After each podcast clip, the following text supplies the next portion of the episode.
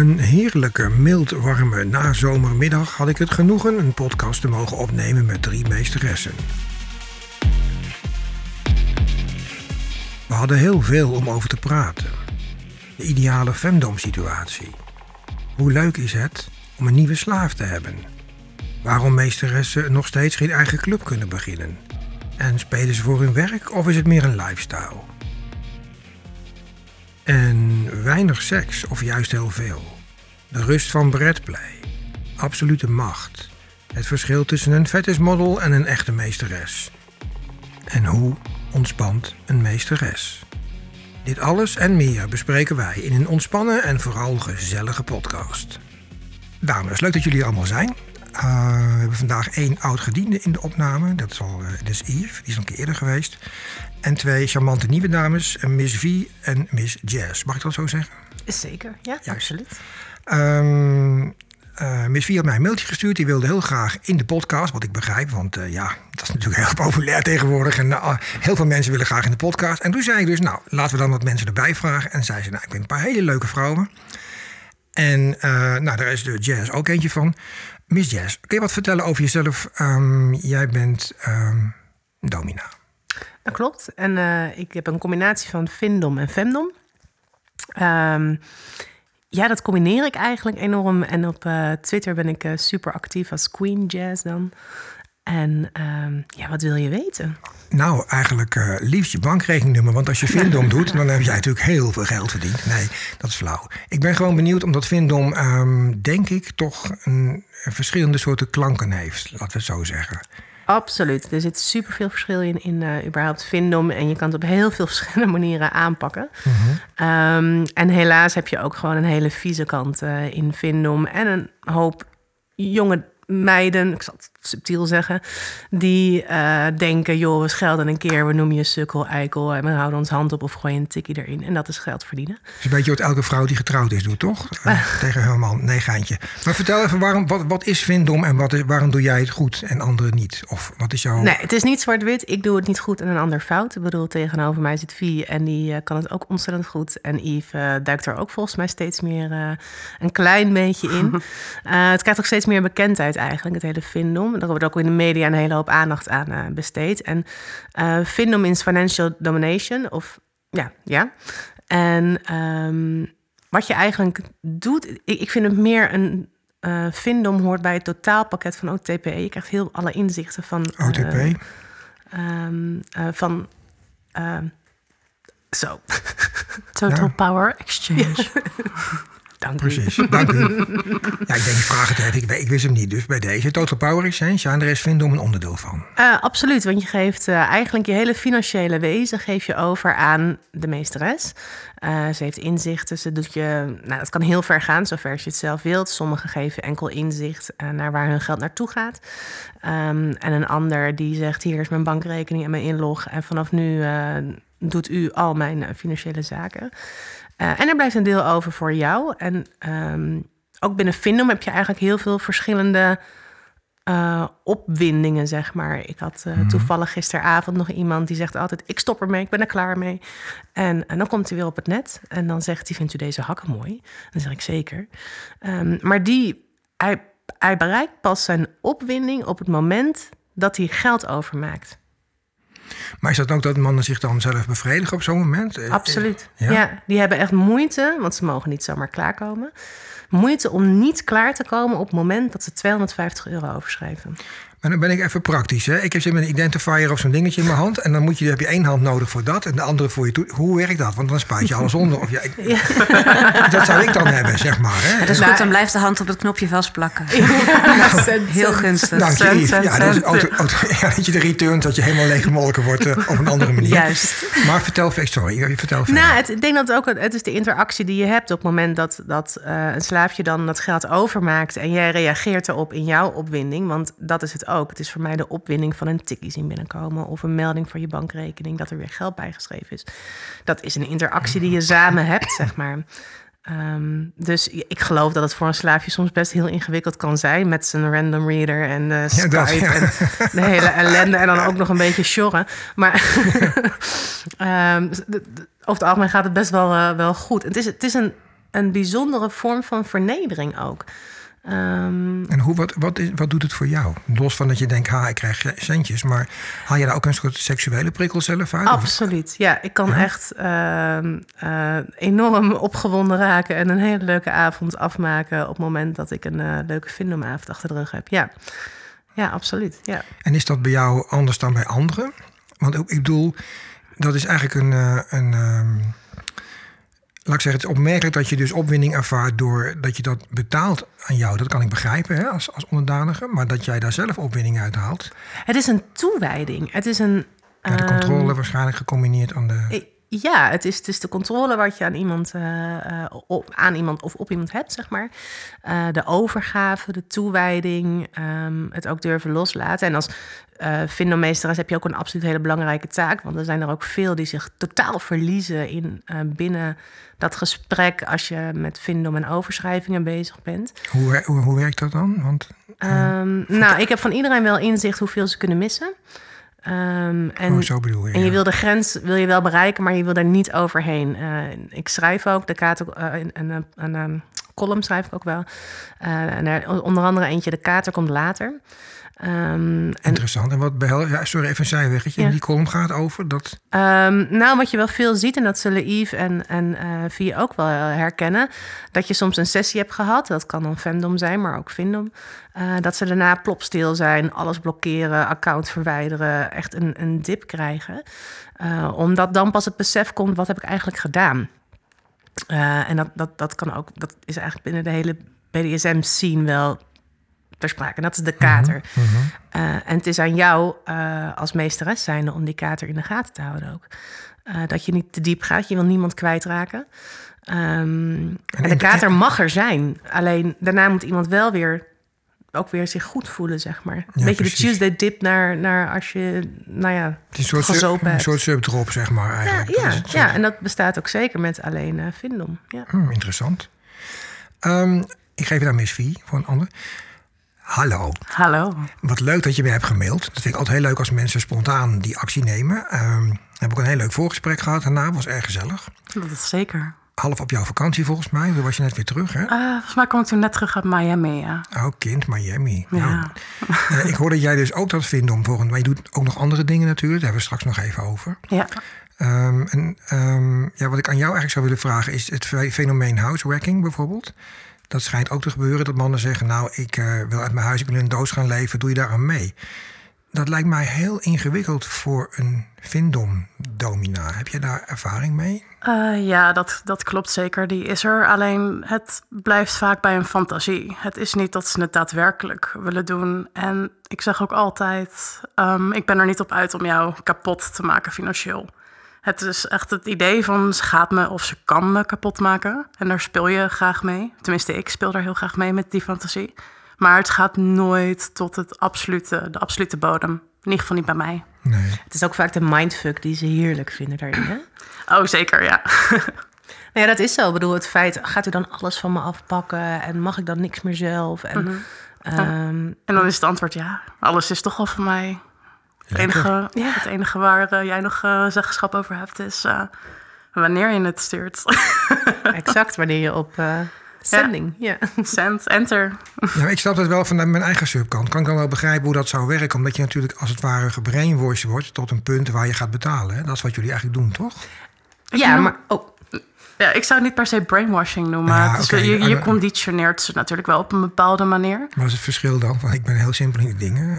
Um, met conditioneren heb je nog wel een soort van een, een eigen wil, zeg maar. Met uh, brainwashen ben je gewoon dom aan het sturen, eigenlijk. Ja, zo. En er is altijd wel een punt, uh, als de geilheid een beetje zakt, dat je uh, het, het brainwash-stuk, om die term even over te nemen, een beetje naast je laat liggen. En dat dan de, het conditioneren weer een beetje opkomt. En vaak als ze mogen klaarkomen, wat dus niet altijd het geval is, dan uh, zijn ze vaak ook al klaar. Dus je wilt ze eigenlijk ook wel een beetje geil houden. Zeker. Ja, snap ik.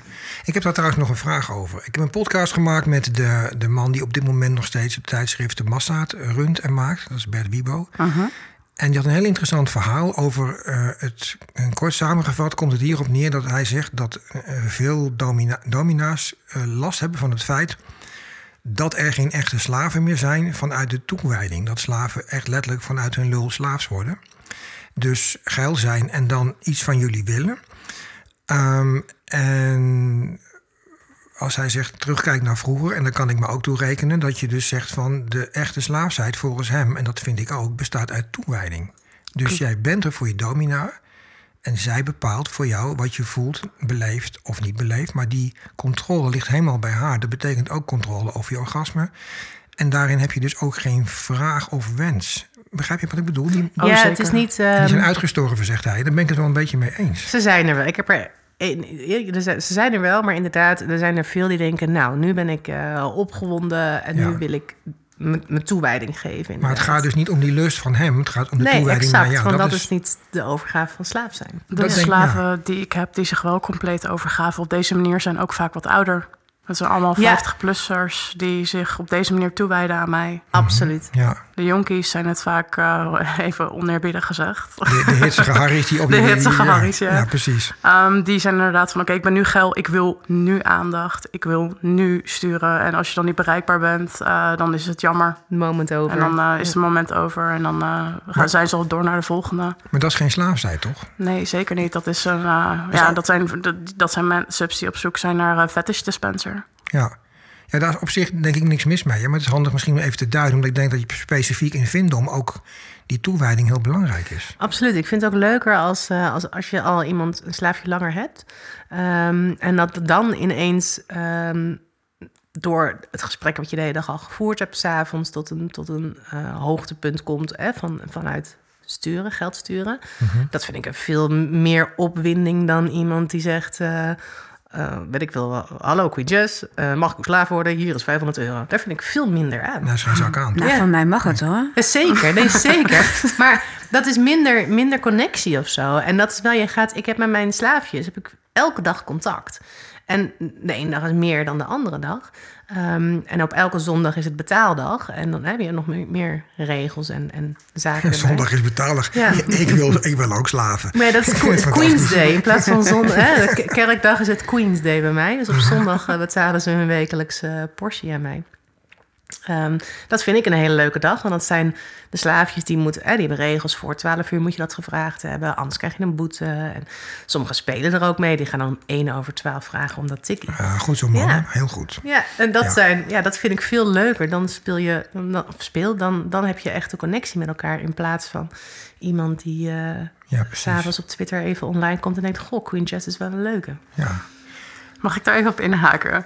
Want ik vind dat dus echt scheidirritant. Als ze expres die fouten gaan maken. Een fout maak je bij mij ook echt maar één keer. En daarna Maar is het... God, dit is een echte domina-luisteraars. maar nou, vertel. Nee, maar het is voor mij echt zo. Je maakt de fout één keer, dan krijg je een waarschuwing en een boete. En dat, die zijn echt niet mis. En dan is het ook gewoon, wat ik zei, dat conditioneren is voor mij heel erg belangrijk. Want ik wil foutloze slaven eigenlijk. Daar, daar streven we allebei naar. Want een eh, echte slaaf wil eigenlijk geen fouten maken. Hè, Met je eens, hè? Maar eh, ik heb het dan over één specifieke. Eh, Die vindt dat gewoon een mega opwinding als die juist... en die boetes zijn bij mij ook niet mis. Ehm, nou, als hij daarvoor gaat, dan mag hij daarvoor gaan. Ik moet er ook altijd wel een beetje om lachen... want iedere keer wordt de boete ook weer hoger. Maar even voor mij, in- kijk, dat weet je van als de politie je aanhoudt met telefoneren in de auto, dan ben je wat 380 euro kwijt. Dat is een boete. Hebben we het over dit soort bedragen hier? Of hoe werkt dat? Gaat dat met tientjes, met honderd of ligt aan de klant, zeg maar? Of aan de, aan Dat, de dat slaaf? is per slaafje verschillend. Ja. Want je weet wat iemand kan dragen en je weet wat iemand kan missen. Ehm, ik kan dan heel leuk roepen, dat is een boete van 5000 euro. Maar als iemand dat niet heeft, dan is er ook geen klap aan voor beide partijen. Schuldcontract. Volgende onderwerp. Eh, ja, dit gezegd hebben we hebben nog een andere charmante dame. We hebben al heel even gehoord. Yves, welkom. Dank je. Leuk dat je er hier een keer bij wilt zijn. Ja, het is al even geleden, hè? Een jaartje of twee, hè? Ja, zoiets. Toen had je een solo-podcast. Ja. Eh, hoe was dat voor jou daarna? Heb je daar nog spijt van gehad of was het heel erg leuk? Nee, absoluut geen spijt. Ik krijg tot op de dag van vandaag nog complimenten daarover. En ik heb er ook een aantal hele leuke subs aan overgehouden. nou, wat gaaf. Ja, Ja, dat hebben meerdere dames die hier geweest zijn, dat klopt.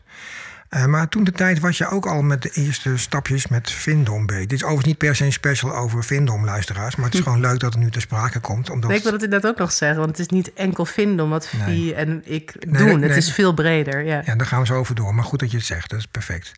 Uh, maar je had een paar stapjes op dat ding gezet. Hoe gaat dat nu? Want dat is nu twee jaar later. Um... Ja, nou, ik, ik, ben dat wel wat aan het uitbreiden. Mijn... Uh voornaamste bezigheid ligt nog steeds gewoon in de studio met eh, face-to-face sessies. Uh, maar ja, ik heb inmiddels uh, een heel leuk uh, Vindomslaafje onder contract staan. En dat bevalt me erg goed. Ja, dat snap ik. Ja. Wil ik ook wel. Dat snap ik. Ja. En, wat ik nog even voor jullie alle drie zou willen weten, is hoe zit dat eigenlijk met de. Heb je nog werk daarnaast nu nodig? Of kun je hiervan leven eigenlijk? Hoe werkt dat van puur het financiële deel op Vindom? Want je zegt net al, het is breder hè, wat jullie doen, je doet er meer bij. Um, ik kan me voorstellen, als je genoeg van die slaven onder contract hebt, hoe werkt dat dan? Is dat dekkend voor de kosten? Of? Uh, nou goed, ja, ik vind hem is bij mij echt maar een heel klein stukje. Maar okay. um, naast het feit dat ik domina ben, heb ik hierna geen baan. Oké. Okay. Dus meesteres zijn is. Uh, fulltime job. Is mijn fulltime job, ja. ja. Ja, want toen jij de laatste keer hier was, toen was het eigenlijk vlak pre-COVID nog een paar maanden, een half jaar zoiets. Was je net begonnen volgens mij? Ja, wij zaten toen al wel in lockdown, toch? Kan ik me iets van voorstellen. Nou ja, in ieder geval was het voor jou een opstart in die periode, had ik het idee. Klopt, ja. Ik was uh, begonnen in een, uh, in een huis bij Domination Palace. En volgens mij zat ik toen net, had ik de overstap gemaakt naar uh, ZZP'er of als zelfstandige ja. te werken. Mm -hmm. Ja, nou daar ben ik inmiddels mee verder gegaan, ja. Ach, wat leuk. Nou. Ja, bevalt me erg goed. Ja, ik heb graag de controle over uh, alles wat ik doe. Ja. Ja, dat is mij geheel duidelijk intussen. Ik zit hier met drie dames die toch controle als een soort levensstijl hanteren, heb ik het idee. um, gek, hè? Ja. ja, heel gek. Ja. Maar um, dat controle dingetje van jou, ja. Uh, kun je dat helemaal kwijt in je sessies? Hoe gaat het ook nog in je privé door? Dat gaat ook enigszins in mijn privé door, ja. Ik, ik kan het grotendeels kwijt in mijn sessies, maar ik merk dat hoe langer ik dit doe, hoe meer het doorcijpelt in mijn uh, privéleven. Ja. Mm -hmm. En hoe is dat voor de andere dames? Voor mij is het uh, echt een levensstijl ook. Ik, um, het is bij mij ontstaan vanuit hobby. Dus ik doe het echt al vanaf uh, jongs af aan. En ik verdien er pas sinds vijf jaar echt geld mee. Het is ook inmiddels mijn hoofdinkomen, maar ik doe er wel nog werk naast. Mm -hmm. uh, maar dat is echt alleen uh, als ik er zin in heb en als ik het project leuk vind. Juist. Maar jij bent nu 26? leuk. Lief, hè? ik ben 32. Precies. Dus je bent eigenlijk heel lang bij je, als ik het zo respectloos mag zeggen, hobby-domina geweest. Of... Uh, nou, dat is niet respectloos hoor. Maar ik uh, kwam er vrij laat achter dat uh, je hier ook geld mee kon verdienen. -hmm. Want er heerst uh, best wel een groot stigma over geld vragen voor BDSM-activiteiten. Is dat en, groter, groter dan voor, voor sekswerkers, zeg maar, in general? Ik denk dat het op hetzelfde neerkomt. want de domina's worden vaak ook wel onder de sekswerkerstempel geschoven. Nou, het is een, in de hobbywereld uh, denk ik echt een nat dan om als professional aan de gang te gaan. Ja, dus daar is vooral een heel erg groot stigma op. Dat hè, als je echt van de BDSM houdt, dan vraag je daar geen geld voor. Ja, dat is alleen bedacht door mannen die niet willen betalen. ja, maar dan, dan heb ik ook zoiets van ja, maar dan kan je seksclubs ook niet betalen. Nee, precies. En dan kan je uh, de journalistiek, uh, de Massat bijvoorbeeld, mag je dan ook niet kopen. En nee, eigenlijk is het raar inderdaad dat daar een, uh, een soort van ja, op rust dat je, niet, dat je er niet voor hoeft te betalen als je echt. Ik bedoel, wij moeten zo verschrikkelijk veel dingen ook aanschaffen. Ja. Um, uh, en dat, dat, dat koop je niet bij de Action. uh, daar gaat sommige zoveel... dingen, zoals bijvoorbeeld musketonhakers, zijn daar toch redelijk voor de Action. En de, bouw, en de bouwmarkt leent zich ook wel ja, voor een aantal dingen. Absoluut. Maar uh, nou ja, denk aan die mooie latex pakjes of die, die mooie hoge Ik hakken. Ja, ga door. Ja, nee, maar daar, gaat zo, daar, daar zit heel veel geld in. Dus eigenlijk is het heel erg raar. Um, niet dat je er een, een, commercieel iets van moet maken, maar er zitten gewoon onkosten in. En hoe kan je nou ja. verwachten als je samen geniet van BDSM, dat de een het allemaal draagt? Dat is raar. Ja, en dat vind ik ook. Kijk, als je een, een elektricien inhuurt, die heeft ook voor een vermogen aan gereedschap bij zich. Exact. En daar betaal je, en daar betaal je precies, en daar betaal je een uurtarief voor en voorrijkosten. En die voorrijkosten dekken de investeringen voor zo'n man vaak. Ja. Precies. En dat is bij jullie natuurlijk eigenlijk hetzelfde. Ja, klopt. Um, dit gezegd hebbende, wat als jij jouw specialiteit, ik begin maar even bij Yves nog, wat jouw specialiteiten benoemt, wat, wat doe je allemaal voor dingen, um, wat heb jij voor USP's in jouw uh, dominaschap? Uh, ja, dat is een goede. Ik, ik ben. Goed, hè? Ja, ontzettend. ik, ik schaal me denk ik wel een beetje onder de, de oldschool uh, meesteressen. Dat zal vast ook komen op de manier waarop ik mijn eerste stappen heb gemaakt in deze wereld. Hoe ging dat? nou ja, dat ging onder begeleiding van een, een oud-gediend meesteres in de Domination Palace in Valkenswaard. Mm -hmm. En dat was daar uh, een meesteres laat bijvoorbeeld uh, zo min mogelijk huid zien. Dus in lingerie spelen was daar eigenlijk al wat uh, lastig. Het was vaak van top tot teen gekleed, vooral niet in onbloot bovenlijf. Ehm, meesteres liet zich niet aanraken, allemaal van dat soort dingen. Dat zit nog wel ergens in de achtergrond van hoe ik ben als meesteres. Hoewel ik daar wel wat flexibeler in ben geworden en mijn eigen weg daarin heb gevonden. Ik hou heel erg van verleiden en van teasen. Ik denk dat wat mij uniek maakt, is dat ik echt een connectie aan wil gaan met degene met wie ik speel.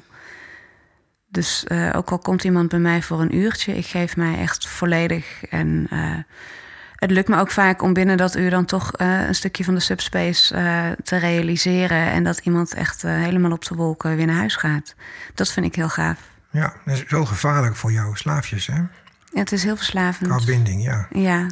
Dus hier opgepast. Of ga ervoor, een van de twee. Het staat ook op mijn website, ja. ja Pas ver, op, ik ben, ik ben heel verslavend, ja. Mm. En Miss V? Voor mij, mijn USP is denk ik um, de edge play. Um, dat zijn vaak de iets zwaardere kinks. Dus dan kan je denken aan breath play, fire play, uh, total power exchange. Een total eh, power exchange, als je het voor, voor mensen even uitlegt, dat betekent dat iemand alles aan jou overgeeft qua controle. Hè? Klopt, inderdaad. Ik bepaal uh, je, wanneer je naar de wc gaat, wat je eet, wat je draagt, dat je chastity zit. Ik kan bij je rekeningen. Ik betaal de rekeningen namens jou. Dus je draagt echt alles aan mij over. En dan is het ook echt mijn geld wat jij dan mag lenen. En daaruit komt dan weer iets als een schuldcontract bijvoorbeeld. Toch, toch hoor ik steeds enige overeenkomst met een getrouwde man. ja. Nou, nu uh, is het niet getrouwd, maar wel uh, in contact met een uh, hele bazige domina. Het klinkt eigenlijk, ik, als ik, nou, als ik nou, ik ben benieuwd hoe andere heren dat ervaren, maar als ik dit hoor, vind ik het eigenlijk een hele aangename situatie. Je hoeft weinig na te denken. En ja. ik krijg dat ook heel veel als feedback van als ze echt een intense avond met mij hebben gehad, bijvoorbeeld.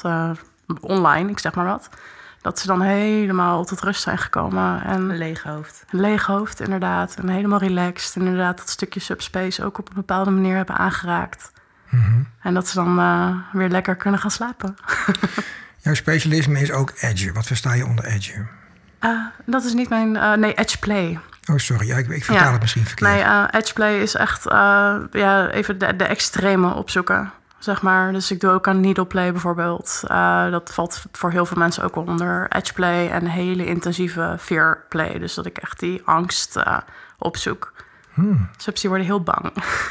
Ja, fearplay. Wil je er wat meer over vertellen? Dat is een relatief, denk ik, onbekende fetish. Tenminste, ik vind hem vrij nieuw voor mij, nu ik het hoor. Hoe gaat dat in zijn werk? Ik denk dat uh, met alle fetishes er wel een bepaalde mate van angst uh, bij komt kijken. De angst voor complete overgave, uh, de angst voor vuur, de angst voor naalden. Um, ontvoering. Is ontvoering, ja. ja.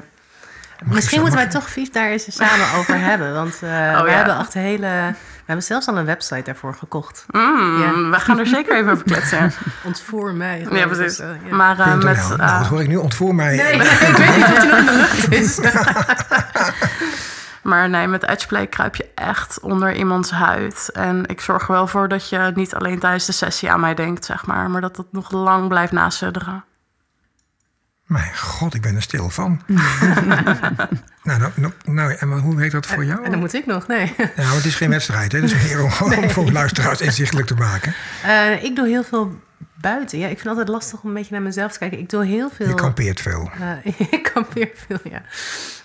Uh, ik doe heel veel met balbusting, CBT. Um, dus ja, ik ben best wel goed in ballen trappen. En wil ik nog iets meer toelichten? Want voor een gemiddelde, laten we zeggen, ik maak het voor veel nieuwe mensen ook dit. Hè? Ja. Dat je een beetje, dan zie je dus, uh, wat ik al in het voorgesprek aangaf, je hebt van die Japanse video's waar mannen met een wit onderbroekje uiteindelijk een rood onderbroekje aan hebben. Dus- Nee, ja. Nee, maar ik bedoel te zeggen van dat is ook een beeld wat natuurlijk heerst. Dus Ja. kun je misschien duiden wat de ballbusting, hoe je dat doet? Bijvoorbeeld dat je niet met de punt van je laars schopt, maar met de bol van je voet. Of hoe, hoe gaat dat bijvoorbeeld? Nou, eh, ja, het is inderdaad wel een, een, een bepaalde manier hoe je schopt. Je kan, eh, nou, ja, ik, ik heb ook wel eens, ik heb één keer een fout gemaakt. eh, en toen had ik inderdaad een chastity kooitje in de balzak geschopt.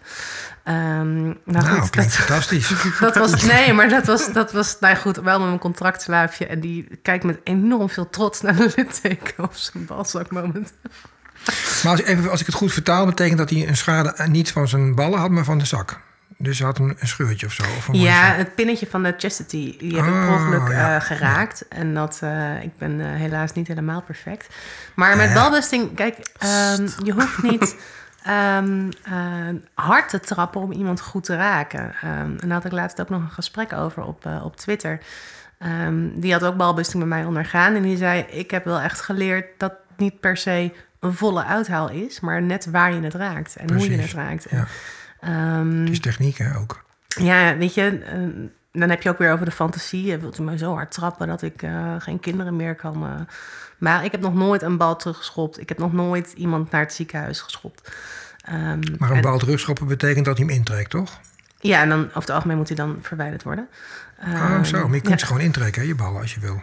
Ik ben geen man, ik heb geen idee. Ja, ik, kan, ik, ik kan het, misschien andere mannen ook, dat Ja, weet ik niet. Maar... Ja, maar het is een beetje onhandig nu. Ja, snap ik, snap ik. snap ik. Maar het is eigenlijk heel makkelijk. Oké, ja, nou goed.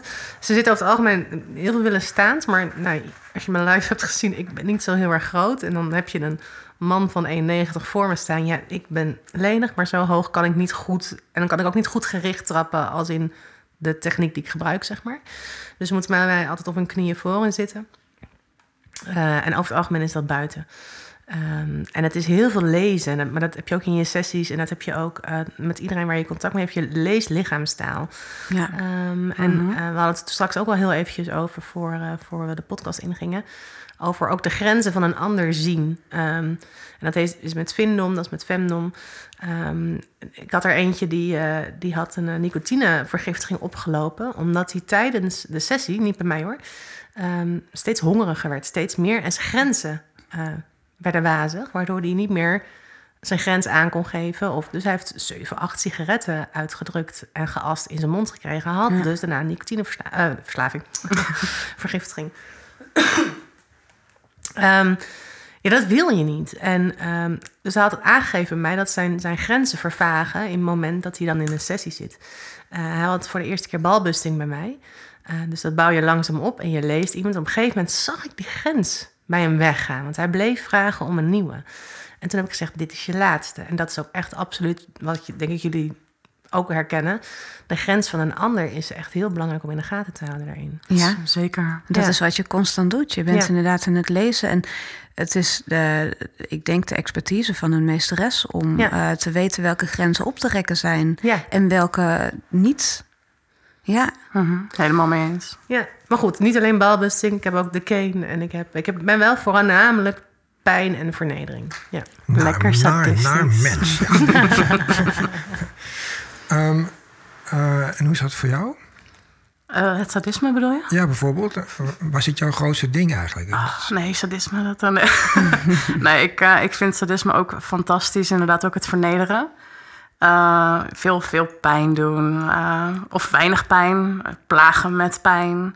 Ik, eh, Je hebt mijn een sessies... fantastische elektrische band. Heb je. Ja, klopt. shockcollars, ja. shockcollars. Shockcollars zijn heel leuk, inderdaad. En vertel, wat is een shockcollar? Nou, dat is een, eh, een blafband voor honden. en die hebben vaak ook een heel leuke afstandsbediening... die je kan instellen op hoe intens je de schok kan ervaren. En dat gaat van 1 tot 100, de mijne in ieder geval. Nou, ik kan je wel vertellen, de meeste komen niet eens voorbij 7. maar dan druk je op een knopje en dan eh pats. Dan krijgt die man een schok op zijn keel. Ja, nou, vandaag niet op de keel. Ik doe hem altijd eh, om de bovenarm. Op de keel kan, maar is echt wel een tricky plek. eh, omdat dat ook relatief dicht bij het hart zit. Ja, precies. Ja, want de pacemaker is dan niet handig, lijkt me. Nee, als een uh, sub bij mij komt, dan moeten ze ook een eh, lijst invullen. Ik noem dat de sublijst. En daar staat ook eh, de vraag van, nou, zijn er eventueel medische dingen waar ik vanaf moet weten? Dus onder andere, ehm, dun, eh, ik ben even de naam kwijt, maar dat, dat je dun bloed hebt. Of, Bloedverdunners. eh, nou, niet bloedverdunners, maar eh, dat is een ziekte ook. Oh ja, maar even hemofilie. Oh, ja. Oh, ja. ja, dat is het woord. Maar inderdaad, of je bloedverdunners slikt of eh, epileptisch bent. Het zijn allemaal wel handige dingen om te weten over het algemeen. ja. Nou is er nog iets anders. Hè? Jullie kennen elkaar alle drie. Toch? Van Ja. online voornamelijk. Ja, Online. Ah, Yves, eh, Yves ken ik voornamelijk online en eh, Jazz heb ik al eh, vaker real life gezien. Juist. Ehm, nou is mijn ervaring dat dominante dames niet altijd samen in dezelfde ruimte kunnen zijn. Dus ik vroeg me een beetje af, hoe is dat bij jullie gegaan dat jullie zeg maar eh, bitch friends zijn geworden? Trend. dat moet op een kettingje. ja, hoe, hoe, Ja. hoe, hoe, Yves, hoe heb jij hen ontmoet? Hoe ging dat? Eh, nou ja, op Twitter vind ik wel dat er een, een bepaalde community is. En zo leer je mensen kennen. Mhm. Eh, ik heb Jess leren kennen toen ze mij vroeg voor een podcast. Ehm, dus zij heeft mij geïnterviewd. Dat was erg gezellig. Ja. En daarna zijn we in een WhatsApp-groep terechtgekomen.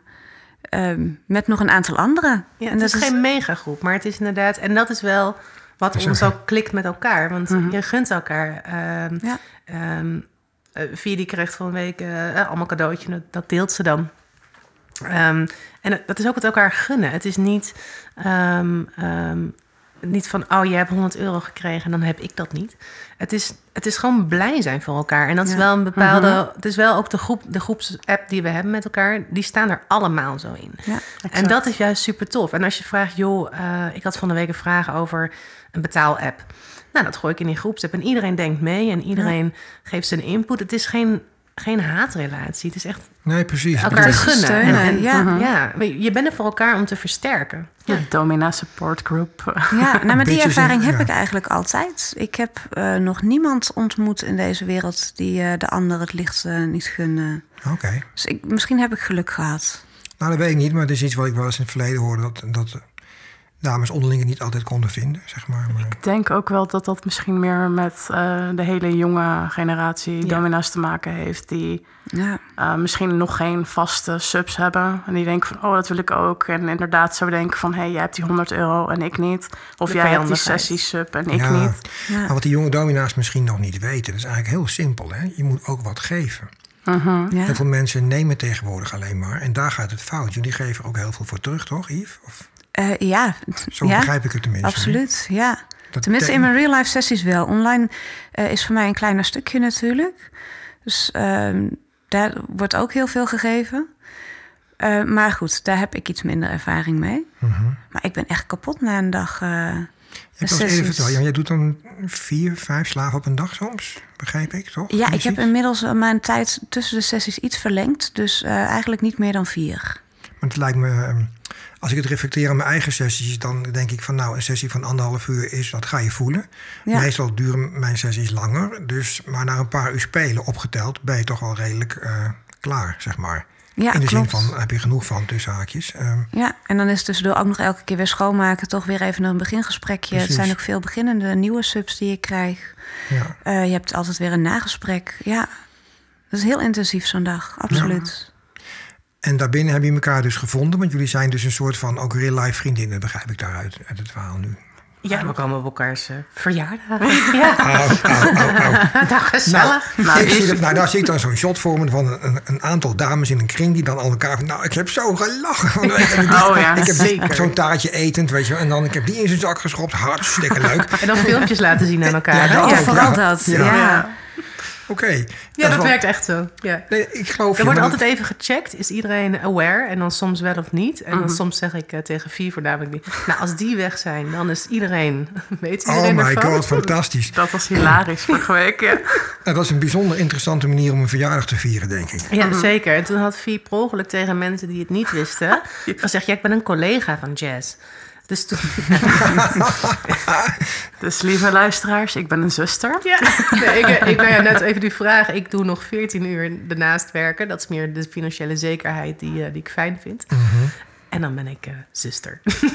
In de dieren- of de mensenkliniek? De mensen. Zo, Ja. dan is het maar hopen dat ik niet bij jou als slachtoffer beland. Ah, nou, als je psychiatrisch bent, ben je welkom hoor. nou, goed dat je het Het zegt. past want wel bij mijn, eh, bij mijn jazzleven. waarom denk je dat ik een podcast begonnen ben? Ik ben zo krankzinnig als een neter. Dus ik denk, ja, dan is dit een hele mooie manier. eh, Ik zet goede sloten op de deuren. Dat is hem, dank u. Nee, maar ehm, ehm, dus jullie eh, doen- ondernemen die samen, werken jullie ook samen in sessies dan? Of hoe gaat dat? Dat is natuurlijk misschien van mensen zich afvragen. Ja, Jazz en ik hebben wel een uh, femdomavond georganiseerd. In uh, april was dat volgens mij. Maar uh, Yves en ik nog niet. Dus, uh, Nee, en ik ben gisteren toevallig in contact gekomen met iemand die daar de perfecte ruimte voor heeft. Mm. Dus ik wil heel graag iets op gaan zetten. Dus dames, uh, ja. daar moeten we eventjes over gaan praten, denk ik zo meteen. Ik hoef daar niet te lang over na te denken hoor. Nou, super. ja, er bloeit weer iets moois op, jongens. Fantastisch. Oh, zeker. Um, en Miss V, je had mij natuurlijk gemaild van je wil graag in de podcast. Uh, had je daar nog een reden voor? Anders dan wat ik nu heb gevraagd tot nu toe. Hè? Want uh, wil je iets communiceren met de wereld? Of? Nou, ik vind het fantastisch om uh, aan het woord te zijn. nee, ik, uh, ik ben eindeloos gefascineerd door podcasts. Ik vind het heel leuk. Het is een mooi platform om het te hebben over onder andere BDSM. En het wat meer bespreekbaar te maken. En dat is ook wel een reden waarom ik ook mensen aanschrijf van... hey, mag ik in je magazine of mag ik in je podcast? Dus dat voornamelijk. Mm -hmm. Ja, ik hoorde net ook al dat, dat Yves en Jess ook een podcast hebben gedaan. Yves heeft ook haar eigen podcast tegenwoordig. Met, Zeker. ja, met, op die, met die stem ook hele leuke verhaaltjes. Hè? Alleen maar deze stem. Kind. Ja. Je hebt nu twee podcasts online volgens mij. Ja, klopt. En waar kunnen ze jou vinden? Spotify natuurlijk, maar onder welke link, zeg maar? Of? Uh, geen idee hoe je dat... Het, het heet Mistress Eve, BDSM en Kink. Nee, dat bedoel ik, dat is al genoeg. Als okay. je op, Spotify dat intoetst, dan vinden ze jou. Ja, en iTunes, Deezer, staat overal ja, natuurlijk. tuurlijk. Ja. En je hebt het geluk gehad samen met Jess in een podcast. Want Jess, jij hebt ook je eigen podcast. Uh, ja, nee, het was een serie die inmiddels uh, afgerond is. Via Klapjes was dat inderdaad, was ik de host van. Uh, en voornamelijk een beeld aan vinden om te geven. En wat meer de negativiteit eraf te halen. En wat meer inhoud te laten zien eigenlijk. Daar ging de podcast over. Ja. En hoe kwam je toen bij Yves terecht? Uh, nou weet ik niet of wij voor die tijd al contact hadden met elkaar. Of dat dat nee, door de podcast is gekomen. Volgens mij is dat door de podcast gekomen. Wij volgden elkaar volgens mij al wel online op Twitter. Uh, maar volgens mij is contact echt pas door de podcast uh, tot stand gekomen. Ja, ja, ja, de volgorde weet ik niet meer. Ja, ja. ja maakt ook niet het detail. Maar ik, ik vind het gewoon zelf namelijk heel positief dat steeds meer mensen uh, over deze onderwerpen podcasts gaan maken. Dus ik ben ja. met, met ja, in deze. Ben jij de grote voorloper in natuurlijk, hè? Uh, een van de, mijn collega's van Meet the Kingsters hebben het ook ongeveer gelijktijdig met mij opgestart. Die hebben okay. een iets andere doelgroep en dat is perfect. Die hebben, dus dan bedienen we allebei een andere structuur. Er zit overlap natuurlijk in, of een andere doelgroep. Um, dus dat is eigenlijk heel tof. Maar ik ben wel een van de eerste geweest in Nederland in ieder geval. In het, in het Nederlands. Dat was nou echt een wens van mij. Ja. Ik denk dat uh, de, ik kan het beste zelf communiceren in het Nederlands. Uh, daar heb je toch andere tonatie. En dat is denk ik voor Nederlanders het makkelijkst te begrijpen. Nederlands ja. sprekende mensen. En um, ja, dat was de reden waarom ik het per se in Nederlands wilde doen. Dus daar focus ik ook op. In het Engels zijn er al een aantal. Maar hoe meer mensen dat gaan doen, hoe leuker ik het natuurlijk vind voor iedereen. Dat is toch te gek. Absoluut, ja. Ja, ja. ja, en dat is ook belangrijk om juist de misverstanden op die manier... Nou ja, kan je het meer openleggen, meer uitleggen en vertellen erover. Ja. Mm-hmm. Super maar, belangrijk. Maar ik denk altijd hè, dat mensen dit soort dingen... Mensen vinden jullie en mij met de podcast als ze daaraan toe zijn, heb ik het idee. Dat gaat toch vanzelf in ja. de wereld. Klopt. Ik ja. denk dat het zo wel werkt, toch? Ja, dat denk ik wel. Je, je, moet altijd een bepaalde interesse hebben, denk ik. Wil je überhaupt zoeken naar een specifieke podcast? Ja. En ik, ik denk dat de interesse alleen maar verder gewekt wordt zodra je daar een beetje in gaat verdiepen. Ja, dat denk ik ook. Ja, of denk helemaal. Oké, okay, en um, wat ga je nog meer met je podcast doen, Yves? Wat zijn jouw plannen voor de toekomst? Nou, wat ik heel erg graag zou willen is uh, onderdanigen interviewen en daar een gesprek mee aangaan. Want okay. niemand kan beter uitleggen wat een bepaalde kink of fetish met iemand doet dan diegene die dat ervaart. Ja, dat probeer ik ook al een hele tijd, maar die krijg je een stuk minder makkelijk voor de microfoon. Dat snap ik. Ik heb er ja. eentje hoor. Dus dat, ja? Uh... Ja, ja, heel graag. Ja, ik ja, heb er ook nog wel eentje. Er hangt natuurlijk een grote taboe op... kom met eh, z'n lang doen met z'n allen een podcast. Helemaal leuk. En jij mag dan gaan partner, helemaal gaaf. Helemaal. Heb je acht microfoons? Dan, eh, Nou, ik, Nou, ik- dan ik wisten we meestal eh, even schuiven we zo eentje door. Ik heb er nog een aantal, die kunnen we hier ook nog op aansluiten. Dat komt goed. Maar het is best lastig, toch? Want mensen hebben Ja. vaak functies waardoor ze het niet met hun stem herkend Ja. willen worden. Dames soms ook, hè, die het doen, zeg maar, privé. Nou, en vooral, er hangt een groter taboe op een onderdanige man dan een dominante vrouw. Klopt. Als een onderdanige vrouw mag je daar ook nog eerder voor uitkomen, maar een onderdanige man, dat is een enorm groot taboe. Ja, Vertel. nou ja, een, een man hoort van oudsher toch eh, dominant te zijn. En een onderdanige man stelt zich heel erg kwetsbaar op, laat zijn zachte kant eh, spreken en zien. En dat is eigenlijk een beetje nadan, nog steeds. Ondanks alle dingen die zo bespreekbaar zijn geworden, is dit nog een hele lastige. Maar zou het niet komen dat mensen in general het heel lastig vinden... omdat ze niet begrijpen hoe het kan dat iemand zich bewust laat vernederen of pijnigen? Want daar zit volgens mij een groot misverstand in, toch? Of Ja, maar als een- onbegrip. Als een vrouw dat laat doen, is daar eerder begrip voor. Ja, omdat alle cultuur, of heel veel culturen zijn gericht Ja. op het vernederen van de vrouw. Hoe idioot ook, maar dat is toch een ding. Ja, Ja, terwijl er heel veel mannen zijn die denk ik eh, niet anders Er zouden zijn er zoveel. Ook juist omdat het gedeelte van hoofd leegmaken en loslaten. Juist omdat ze in dagelijks leven een leidinggevende functie hebben, vinden ze het heerlijk om te komen en even hun hoofd leeg te maken. ja. Het is eigenlijk super zonde dat daar zo'n schaamte op, eh, op, op rust. Want bedoel, we hebben allemaal wel eh, mannen gehad met een aanzienlijke functie of een plek in de maatschappij binnen politieks of, of eh, waar dan ook. Ehm, Ja, maar ja dat die mag Mark Rutte toch? Geintje.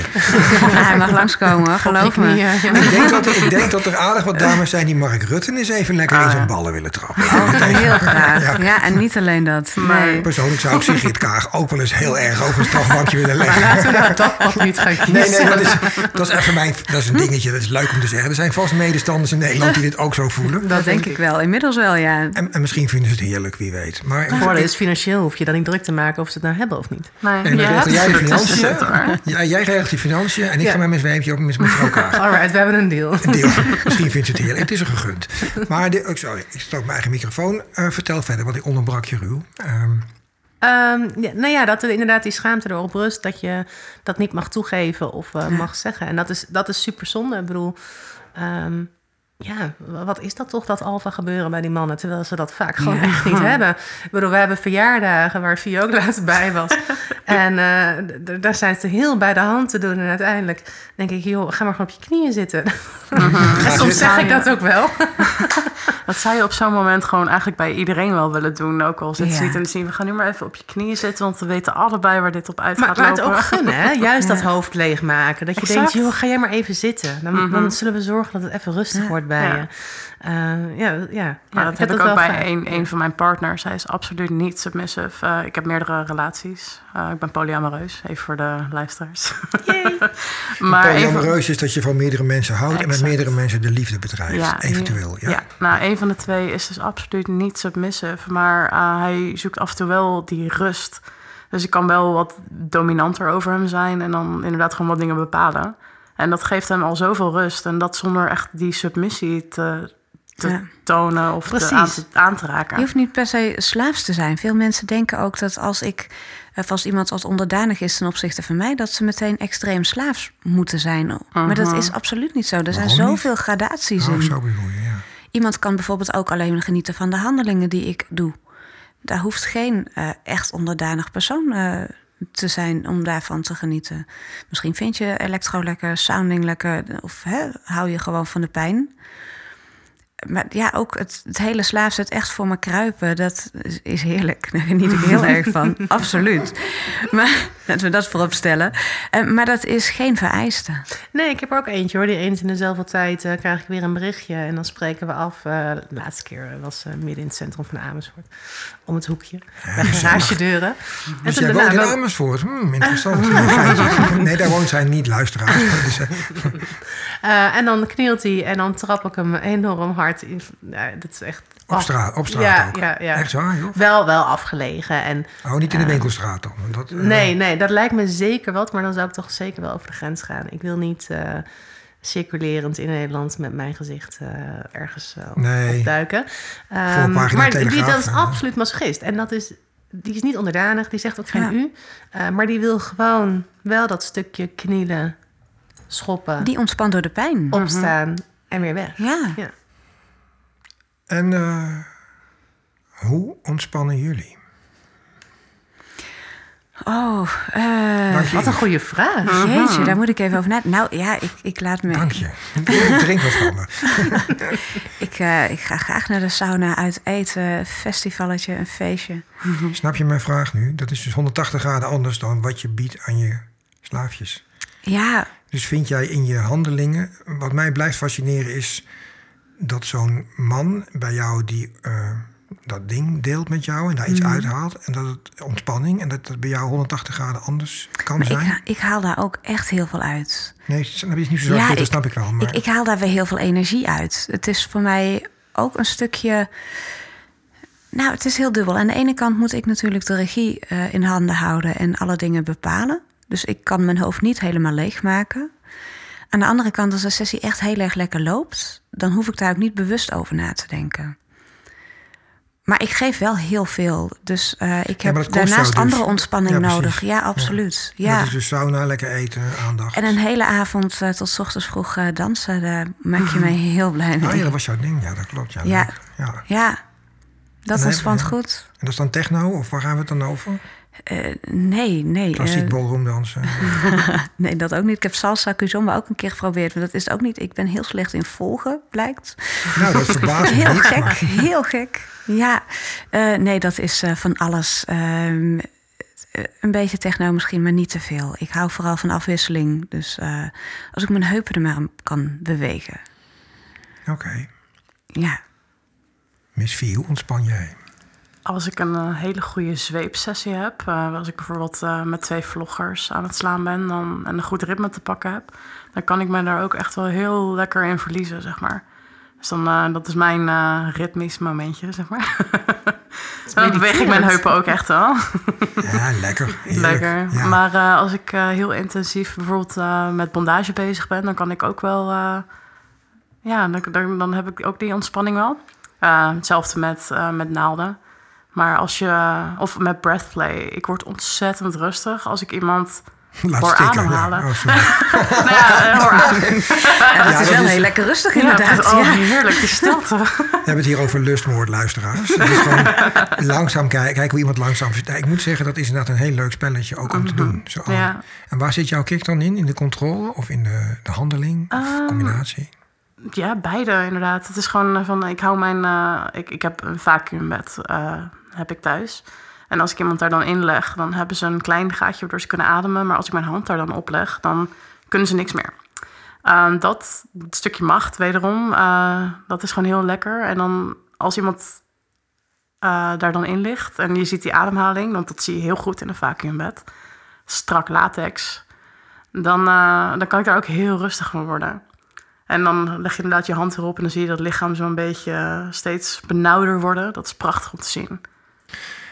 Eh, mag ik daarop inhaken met een andere vraag? Namelijk dat eh, wat ik van jullie over het algemeen allemaal terughoor... is dat er eigenlijk weinig tot geen ehm, seks bij komt kijken bij deze... Ik kan me voorstellen dat het ook heel leuk is op zijn gezicht te gaan zitten... en hem dan te versteken. Ik noem maar wat. Dat is mijn gore fantasie Heel erg leuk. Ja. Ehm nou, face-sitting doe ik alleen gekleed. Ja, goed, de Ehm, vorm. Maar begrijp je het ja. concept wat ik bedoel te Ja, zeggen? zeker. Dat, want dat is altijd zo grappig dat ik denk van ja. ehm, want mannen, slaven mogen toch wel klaarkomen bij jullie? Of is dat geen optie? Hoe werkt dat Bij eigenlijk? mij niet. Als jij echt mijn slaaf bent, dan zit je in chastity en dan kom je ook echt niet klaar. Nope. ja, bij mij Jou niet? wel.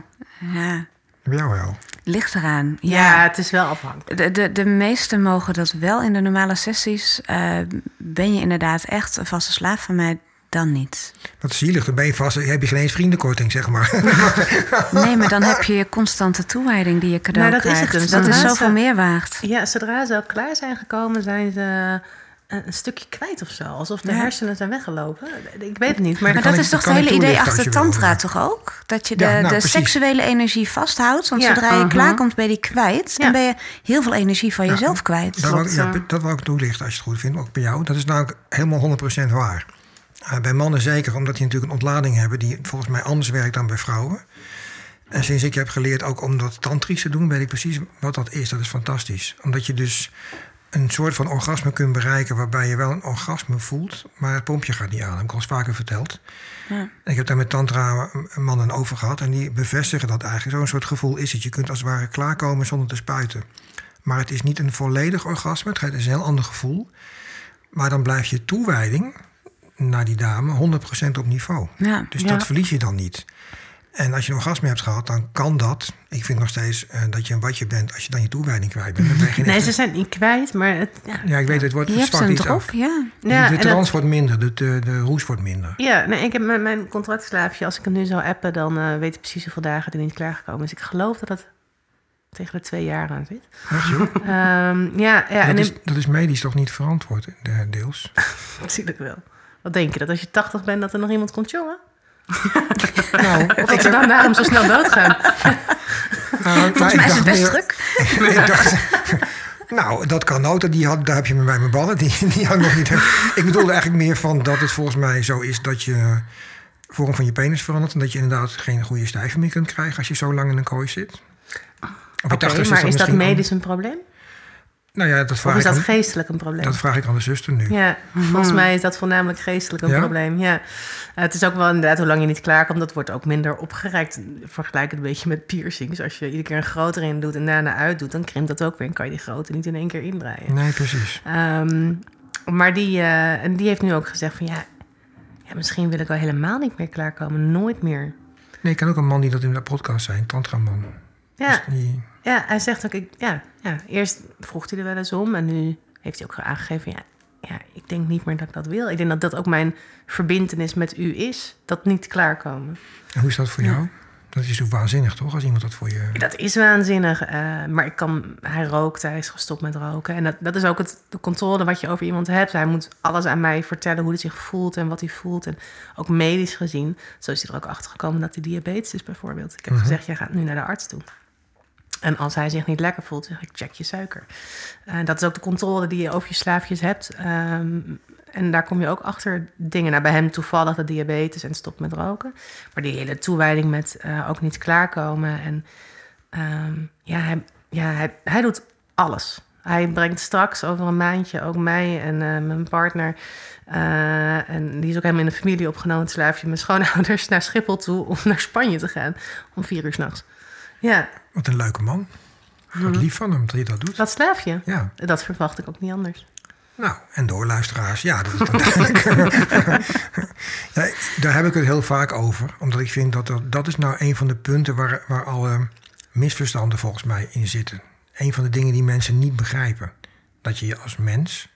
Iedereen heeft het over vrij zijn, over in een Ja. vrij land leven. Dat je dan vrijwillig, of zelfs tegen betaling, dat je dat gaat doen. En je aan iemand overgeeft op die manier. En voor mensen die dat echt niet snappen, is dat onbegrijpelijk. Hè? Ja, dat snap ik. Maar je mag, je mag het ook niet eens zijn met elkaar. Agree to disagree. Tuurlijk, tuurlijk, Eh, tuurlijk. ja, als iemand dat niet heeft, dan heeft iemand Nee, nee, ik ben een soort monnik van de BDSM. Ik probeer, ik probeer zoveel mogelijk zieltjes te winnen voor de kerk, zeg maar. Dus door het te duiden probeer ik mensen eh, misschien een inzicht te geven. En het is me heel vaak gelukt, of ons met z'n allen heel vaak gelukt, al ook via dit medium, om mensen, nou ja, voor de eerste keer naar meesteres Yves te laten gaan, bijvoorbeeld. Ja, dat mogen ze blijven doen. Ja, ja dat snap ik. Is dat trouwens nog even leuk, een zijbruggetje, weer zijdingetje. Is het voor jou een eh, extra leuk als iemand helemaal bleu is? Als hij nog niets ervan af weet, maar wel vage ideeën heeft of gevoelens? Ja, die krijg ik ontzettend vaak eh, in de Zo studio. vormbaar nog. Ja, dat is lekker Ja, toch? nou dat. Maar ze, moeten, dat lachje van... Ja, Lekker de, de lach van jazzluisteraars is werkelijk... eh, ik heb het nog zelden in vrouw zo gelukkig gezien toen ze dat zei. Ja, sorry, ga maar ze, ja, ze moeten wel openstaan voor dingen. Ik heb ook eh beginnelingen die komen. Nou, ik heb niks met pijn. En ik heb dit niet. En dat wil ik niet. En dat wil ik niet. Die willen eigenlijk alleen maar vastgebonden worden. En lekker gemaakt worden. Of geteased. Dat is leuk voor een keer. Dat doe ik ook graag. Maar op een gegeven moment wil ik wel wat meer handelingen kunnen doen. Moeten ze echt wel openstaan. Want anders dan, eh, dan houdt het wat mij betreft op. Ik weet nog een goede voor jou, bedenk ik me nu ineens. Ja, kom Hy- maar. Hypno. Wil ik heel graag doen. Hoef je, niet- hoef je niet voor te oefenen, dat kun je al. Ja, Met jouw stem weet ik zeker dat jij een flink aantal mannen gewoon boos maakt.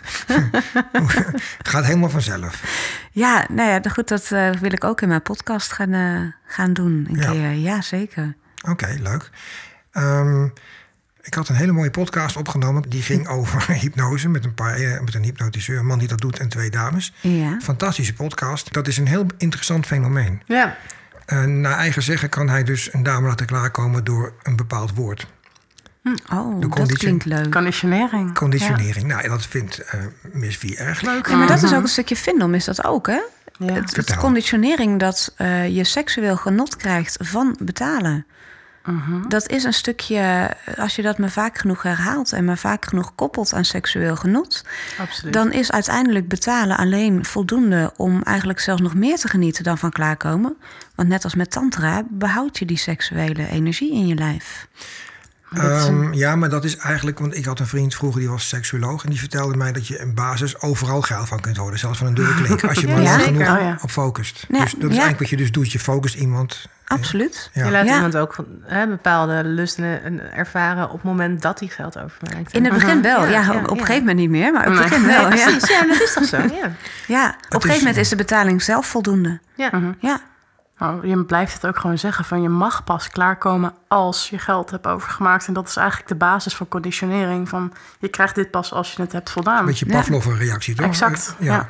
Zo van, je krijgt een brokje eten als je het goed gedaan hebt. Ah, Ik vind het ook echt ontzettend interessant ehm, hoe psychologie ook echt heel diep in de BDSM verweven kan zijn. Persoonlijk denk ik dat het de core is, de basis. Ja. Exact. Ja. Want wat ik bij jullie ook een beetje hoor... en als ik dat weer dan met mezelf vergelijk... want dat doe ik altijd graag, want ook ik hoor mezelf graag praten. Ja, dat is heel irritant voor sommige luisteraars. Maar ehm, ik heb volgens mij nog niet helemaal gehoord. Je had mij, eh, dus je zei toen net, toen ik het aan jou vroeg... van nou, waarom had je die mail gestuurd? Jij wilde graag wat dingen delen met luisteraars. Heb je dat nu genoeg kunnen doen al? Heb je kunnen vertellen wat jouw insteek was? Want je zegt net van nou, ik wil graag eh, mensen bewust maken... ehm, vertellen over het gevoel... ehm, zijn er nog dingen die je op aan wilt vullen? Ik moet even nadenken hoor. Wij willen Ik- nog een keer een villa met een zwembad, toch? Ja, Dat is een eventje. oh ja. leuk fandom-event inderdaad. Ja. Leuk, eh leuk Alleen een event, ik wil daar wonen. Ja, Oh, dat sowieso, ja. Ja, maar dat willen we allemaal, Oh, ja. luisteraars. Maar ja, Nee, maar wat ik zou eh, nog zou willen aanvullen is denk ik van laat je niet ehm, tegenhouden door de angst van oh, ehm, ik ben een man en ik ben submissive, maar ik wil dat niet laten tonen. Het is allemaal oké. Bij een eh, commercieel meesteres ben je sowieso in goede handen. Ja. En eh, als je mij niet leuk vindt, dan kan ik je wel doorverwijzen naar iemand anders. En zo werkt die scene ook. We bijten niet, in principe. nou, eh, Tenzij je genoeg betaalt. ja, precies. Of soms zelfs voor niks als het je uitkomt, toch? Dat is net wat... eh, Maar ja, precies. Nee, maar dat hebben we inderdaad wat je zegt, ook het doorverwijzen naar elkaar. Aha. Dat doen we ook zeker. Want Ja. soms heb je de klik niet of doe je een handeling niet waar die, waarvan ik weet, nou dat doet Vie wel of, of, of Yves. Dan kan je zeggen, joh, maar dat is ook, het is ook lastig voor eh, de subs en de slaafjes om een goede meesteres te zoeken. Ik bedoel, het internet of Twitter staat er vol mee en iedereen schreeuwt over elkaar heen. En ja, zie je schifting maar te zoeken en zonder dat je opgelicht wordt. Ehm, dat is heel lastig en dat maakt het voor ons ook heel erg lastig. We moeten ons heel vaak verifiëren en noem maar op. Nou, op een gegeven moment ben je dan in de media wat meer besproken. Ik bedoel, we hebben de Linda gehad, we zitten hier, podcast, column, alles. Dus daar kan je meer naar verwijzen. Ehm, maar soms matcht Maar heb- iets gewoon niet. Ik heb misschien nog wel een tip voor luisteraars, mannen die een domina zoeken. Ehm, in mijn beleving is het allemaal tussen haakjes misgegaan met de opkomst van de fetishmodellen. En daarmee bedoel ik de dames die heel veel tijd en moeite steken in prachtige outfits en een daarbij behorende foto. Maar die eigenlijk nooit communiceren vanuit het gevoel. Wat jullie wel doen. Ja, En dat is ja. echt een essentieel verschil. Als voorbeeld kun je bijvoorbeeld zeggen van een domina die eh, dat doet vanuit haar. ehm, want je kunt volgens mij niet domineren zoals jullie het allemaal doen als je het niet zelf voelt. Exact. dat is waar. Het moet echt wel in je zitten. Het zo moet uit je tenen komen. Je kan het niet spelen, daar hebben we het toen straks ook al Ja. over gehad. Ja. Nou ja, ik denk dat je tot een bepaalde hoogte kunt spelen. Vooral voor mensen die het. Als ik ehm, als jongetje voor het eerst bij een meesteres kom. En ik heb geen ervaring. dan kom je eigenlijk overal mee weg als meesteres, Ja. toch? Want dan is die Oh ja. eigenlijk overgeleverd. Tuurlijk, ja. Maar een tweede keer zul je dat al doorhebben. Want dan wordt hetzelfde riedeltje en hetzelfde Precies, spelletje gespeeld. ja, dan prik je daar wel doorheen. Ja. Het is een beetje als daten. Met de een klikt het wel en met de ander klikt het niet. En dat is in En in dit BDSM-spel geval heb je ook. dan, eh, hier heb ik nog een leuke vriendin. Wij klikken Nou, niet. inderdaad. Of zullen we een keer met z'n drieën spelen? Ja, precies. En dit zijn dan van die momenten, luisteraars, waarop ik dacht, dan was ik maar multimiljonair. Want dan zou mijn leven er zo anders Dan uitzien. zouden wij met z'n allen in die villa wonen. Oh ja. Nou, dat sterker nog, dan waren er nog een paar extra bij. Nou, Oh, dat met z'n allen heel gezellig. Dat denk ik ook wel. Zo'n. Sado, ja, zo'n Sado-villa waar je ook nog dan slaven Ah. kunt ontvangen. En eh, oh, ik, ik zou het wel weten. Maak me Ja, niet lekker. zeker. Jawel, ik maak je wel lekker. Dit is Ja, maar ik, ik ben op zoek naar een nieuw huis. Nou begin ik allemaal fantasieën te krijgen. Wil ik nog een groter huis natuurlijk. Ja, het zit niet zozeer in het volume van het huis, denk ik. Ten- Tenzij je met locatie. 100 da- Ja, het is een combinatie van je moet Ja. gewoon lekker voelen daar. Maar ik zou het wel weten hoor. Met zo'n infinity pool waar dan de slaafjes voorbij Oh, ja. drijven zo. Terwijl je uitkijkt naar het oneindige. Af en toe even kopje onder. Ja, met een Oh, belletje. waterbondage. Ja, ja. Heerlijk. Met een belletje op tafel als hij het hoort. Ja, dat is, dat is wel leuk dat we hierop komen. Want ik ben echt wel heel benieuwd, eh, Yves. Als jij nou echt mag zeggen, wat zou jouw ideale femdom situatie zijn? Als jij nou mag kiezen, er is geen belemmering in geld of niks. Je mag alles doen, hè, wat je maar wilt. Ja, nou ja, dat zou sowieso eh, zijn dat eh, een totaal subfunded life eh, zou dat dan worden. Ehm, ik ben in principe geen lifestyle meesteres, maar dan zou ik echt wel één of twee vaste slaafjes willen maar op afroep. Ik moet ze niet 24 eh, uur per dag om me heen hebben. Daar heb je kooitjes voor, hè? Ja, nou dan heb ik een hele hoop kooien nodig. Ja, Heb je die van mij wel eens gezien? wordt Daar gewoon een klein twee in. Zo'n koffer voor kooien, weet je wel. Rentecage. Ja, nee, ze, ze moeten dan ook nog een eigen leven hebben, maar wel eh 24 uur per dag oproepbaar zijn. Ja, ja maar dat gaat niet Ja. samen. hè. Een eigen leven en 24 uur, dat kan dus niet. Ja, Nou, zet er een huisje is- naast waar ze mogen zitten. En dan mogen ze komen als jij het zegt. Dat is Ja. op Bonaire dat- heel leuk opgelost. Hè? Daar heb je die slavenhuisjes, weet je nog? Sorry, het is niet helemaal Nee, gepast. we hebben er wel eens, Via en ik hebben ook wel eens over gepraat. We willen wel een keer op vakantie met, nou ja, zeg vier, vijf slaafjes. En, eh, en een mooi vakantieadresje met een mooi uitzicht. En inderdaad, in zijn week zo helemaal leven. Dat is wel Helemaal eh, genieten. Ja, Lekker ja, in de uiteraard zon. subfunded. Maar Mhm. eh, ja. Maar was je uitgesproken? Sorry. Ga, nee, Oh nee, ja, niet- nou, dat was het eigenlijk. Ik, eh, ik word graag eh, op handen gedragen en dat mogen ze dan allemaal doen. Ja, Yves, ga je ook mee op vakantie dan? Ja, graag. Heel graag. Ja. Nou, luisteraars, Rente Bitch. Een speciaal arrangement van Toei. Zeker. Nee, Nou, ze hebben singlesreizen. Waarom inderdaad geen BDSM-reizen? Fly me to you. Gat in de markt, denk ik. Dat denk ik ook. Ik, hoor, je- ik zie een businessmodule voor me. Ja. Ik ga er eens over Ik heb er gisteravond heel lang over nagedacht, inderdaad. Gewoon Ja? een, een, een pakketprijs. Of eh, dat je alles, ja, nee, dat is zeker Dat heet dan haalbaar. eh, Jazz Sado Tours. de bussen hebben geen stoelen, maar fietszadels. En zijn Ja. pijnlijk als we over de hobbels hebben. Een hobbelige berg. Krijgen ze wel een zadel dan? Ik bedoel, je kan ook gewoon alleen de zadelpen gebruiken. Ja, maar dat is jouw ding dan weer. Eh, ik denk dan als je die hobbelige berg wegdoet, dan is dat niet aangenaam. Dan- Nee, voor dan de- inderdaad van die Van die hele harde. Oké, Goed voor Ja. de bovenbeenspiertjes. ja. Nou ja, ik ging, ik ging iets minder ver, maar ik begrijp. En af en toe een beetje stroom erop, weet je? Dat is ook Oh, leuk. Gaan Maar ze dan kun je er net zo goed gelijk deellootjes opzetten voor anaal met stroom. Zie, je leuk- kan wel Ja. meekomen. Ja. Ja. Ik- luister, je weet wat voor kink ik, ik bedoel, ik ben gek genoeg om te verzinnen voor jullie. Hè? Dat is leuk. Oh, dan mag jij de bus verbouwen. Oeh. Ja, en de, en de Ja. locatie mag ik hopen. Ik heb nog wel leuk. eh, Oh ja? Ik zat te denken aan zo'n soort chirurgene, chirurgene slavenopslag. Van die buizen waar ze dan in zitten. En dan kun je ze Oh, gewoon leuk. in een soort containers waar ze uitgehaald worden. ze ook verdoofd met. En dan Super Oh, handig, maar dat toch? zou, dat zou perfect zijn. Als ik dan inderdaad een fandom lifestyle zou mogen kiezen, dat. Want dan heb je ook geen last van ze als ik daar geen zin in heb. Geen last van zo. Ja. Fantastisch. Nee, ja, het, is, het kan echt super intensief zijn hoor. Ik bedoel, Ja, mensen ja. vragen zo hoeveel, eh, hoeveel tijd besteed je eraan? Er zit zo acht uur per dag in. Vertel. Nee, maar ja, nee, Ja, dat, vertel, weten, nee, ja. dat dat weten mensen dus niet. Want waar zit die tijd dan in? Nou ja, het begint al. Je hebt een aantal uh, slaafjes waar je vast contact mee hebt. Die hebben ook vaste regels. En tuurlijk, dat gaat niet elke dag zo. Um, maar ze, moeten, ze hebben allemaal de regels. Waarschijnlijk bij jullie ook. Goedemorgen, wat rusten, planning. Dat, eh, dat soort Ja. basisdingen. Um, en daar reageer je ook wel op. En de ene dag is meer dan de ander. Maar dan heb je nog je, je Twitter. Uh, dan heb je nog je andere social media's. Je hebt je sessies. Je hebt je ontmoetingen. Je hebt je voorbereidingen.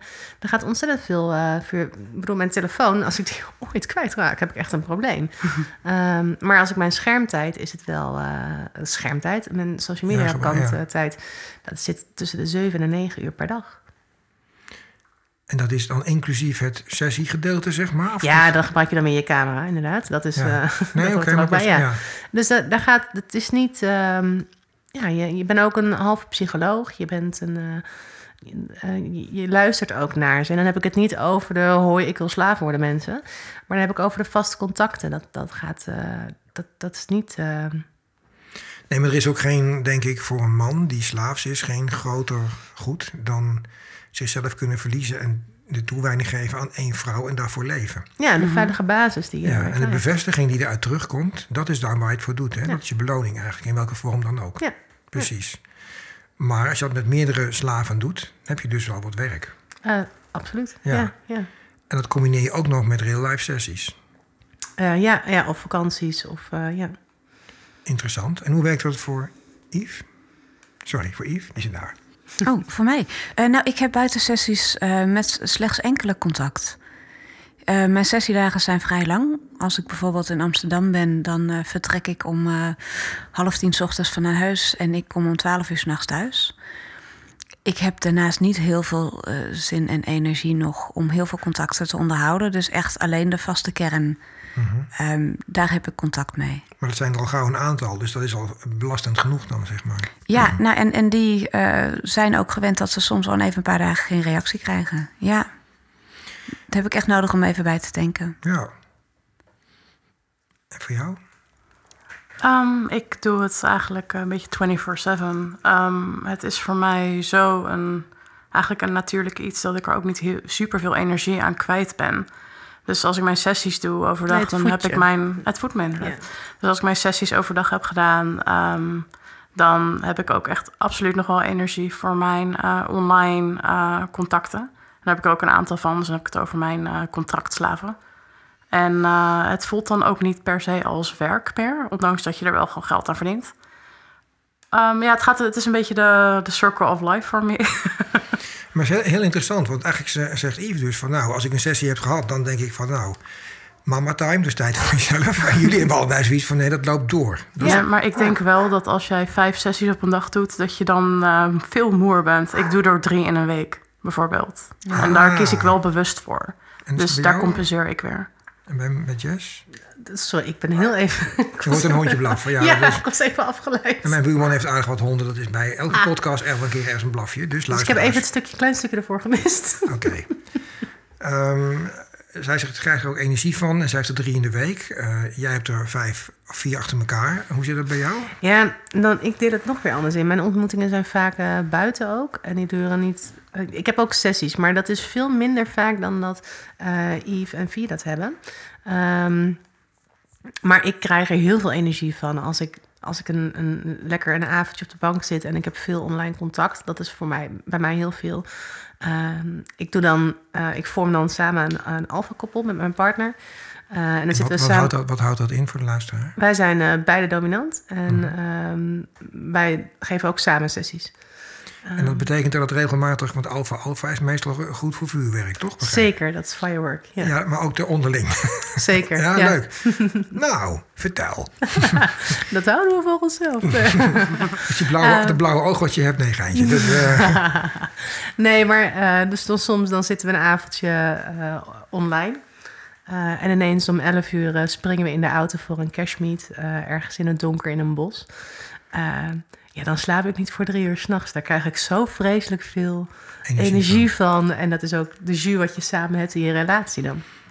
Maar even dat uitgelegd voor luisteraars en cashmeet. Dus dan zitten jullie in de auto, rijden naar een bos toe. Dan stap je uit in het stikdonker. Ja. Gaat er een hele enge man in een lange regenjas? Of hoe, wat gebeurt er dan? Nee, ik heb de regie. En als je eh, al twee opdrachten niet kan, eh, kan opvolgen, dan komt de cashmeet ook niet. Je komt naar locatie A. Als je daar bent, dan meld je je daar. Eh, en daarna krijg je pas de echte locatie te horen waar je mij zal ontmoeten. Ah. Dus ik heb de absolute eh, regie. En sommigen vinden dat heel eng en creepy en spannend. Maar als je op dat punt al niet de regie uit handen kan geven, dan denk ik ook niet dat je ben geschikt bent voor mij. Natuurlijk niet. Nee. Ehm, en dan kan ze inderdaad een eh, geld aanbieden op hun eh, knieën. Ja. Op zo'n grindweggetje dan, hè? Een stukje laten kruipen. Ja. Oh, wat zijn die toch naar. nou, maar, maar dit gezegd hebben, we net heeft Yves een beetje uitgelegd wat haar ideale femdom-ding zou zijn als het mocht, hè? Zonder beperkingen, zonder geldbeperkingen. Hoe zou dat voor jou zijn? Wat zou jij dan willen? Oeh. Ja, en dan ongeremd, hè? Dus het is. Nou, ik, eh, eens in de zoveel tijd ga ik... eh, al mijn slaafjes mogen met mij op vakantie. Of met ons, als alfa-koppel.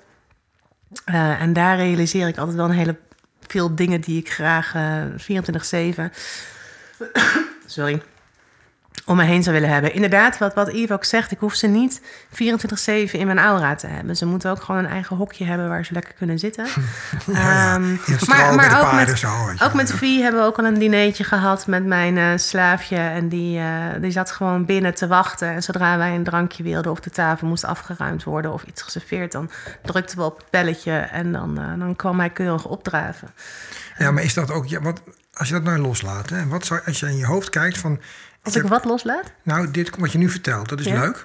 Maar stel dat er geen grens aan zou zijn. Dat jij als domina mag jij zeggen van... dat zou ik willen. Geld speelt geen rol, locatie. Je kunt alles doen wat je wilt. Wat zou dan jouw ideale setting zijn? Nou ja, dan toch wel een mooi huis in the middle of fucking nowhere. Ehm, met een slaaf of Tig. Tig. die eh, mij eh, en, en ja, nou ja, met mijn partner dan, dat is wat we samen doen. Entertainen en mooie feestjes. En eh, Gewoon leven als een beest, zeg maar. ehm, nee, meer een queen dan. Een queen, ja. ja. en hoe zou het voor jou zijn, Vie? Nou, ik, eh, ik wil eigenlijk gewoon een club. Ik wil een, eh, een club met kamers, zoveel mogelijk, liefst vier verdiepingen. Oh, gaaf. En waar, je ook, waar ik dan boven woon. Het is een soort van penthouse. En eh, ik hoor zoveel domina's ook over. Ik wou dat er iets, eh, iets was wat een beetje laagdrempelig was. Weet je, dan, en dan kan je die kamers ook naar ervaring een beetje opbouwen. Dus je begint gewoon inderdaad lekker met een vrij clean kamer. En dan heb je inderdaad Oh, verschillende ja. thema's. Zo'n Sado Tower. Hoe hoger je Ja, komt, hoe heftiger het wordt. Exact, Ja, en dan eindig je in een penthouse en dan ben je mijn lifestyle slaafje. Ah, fantastisch. Nou, zoiets zou ik echt ontzettend vet vinden. Maar ook om eh, de community een beetje te helpen. Want er, er, de clubs gaan echt onder haverklap failliet. En er zijn Ja. drie grote volgens mij. En die hebben te veel macht. En die hebben te veel. eh, Ja. ja. Interessant. Daar komt een heleboel naar boven, wat ik ook heel eh, leuk vind om even, nou goed vind om even te benoemen.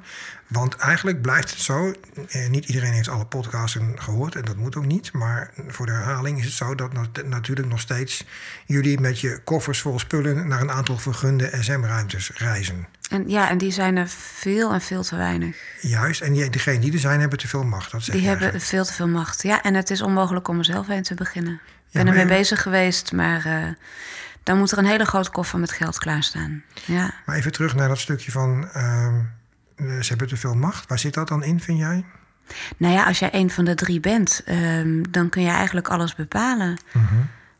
Dus eh, er is één studio eh, die verbiedt gewoon om in andere, die verbiedt je om in andere studio's te werken. Dat is een beetje kleinzielig van die mensen dan.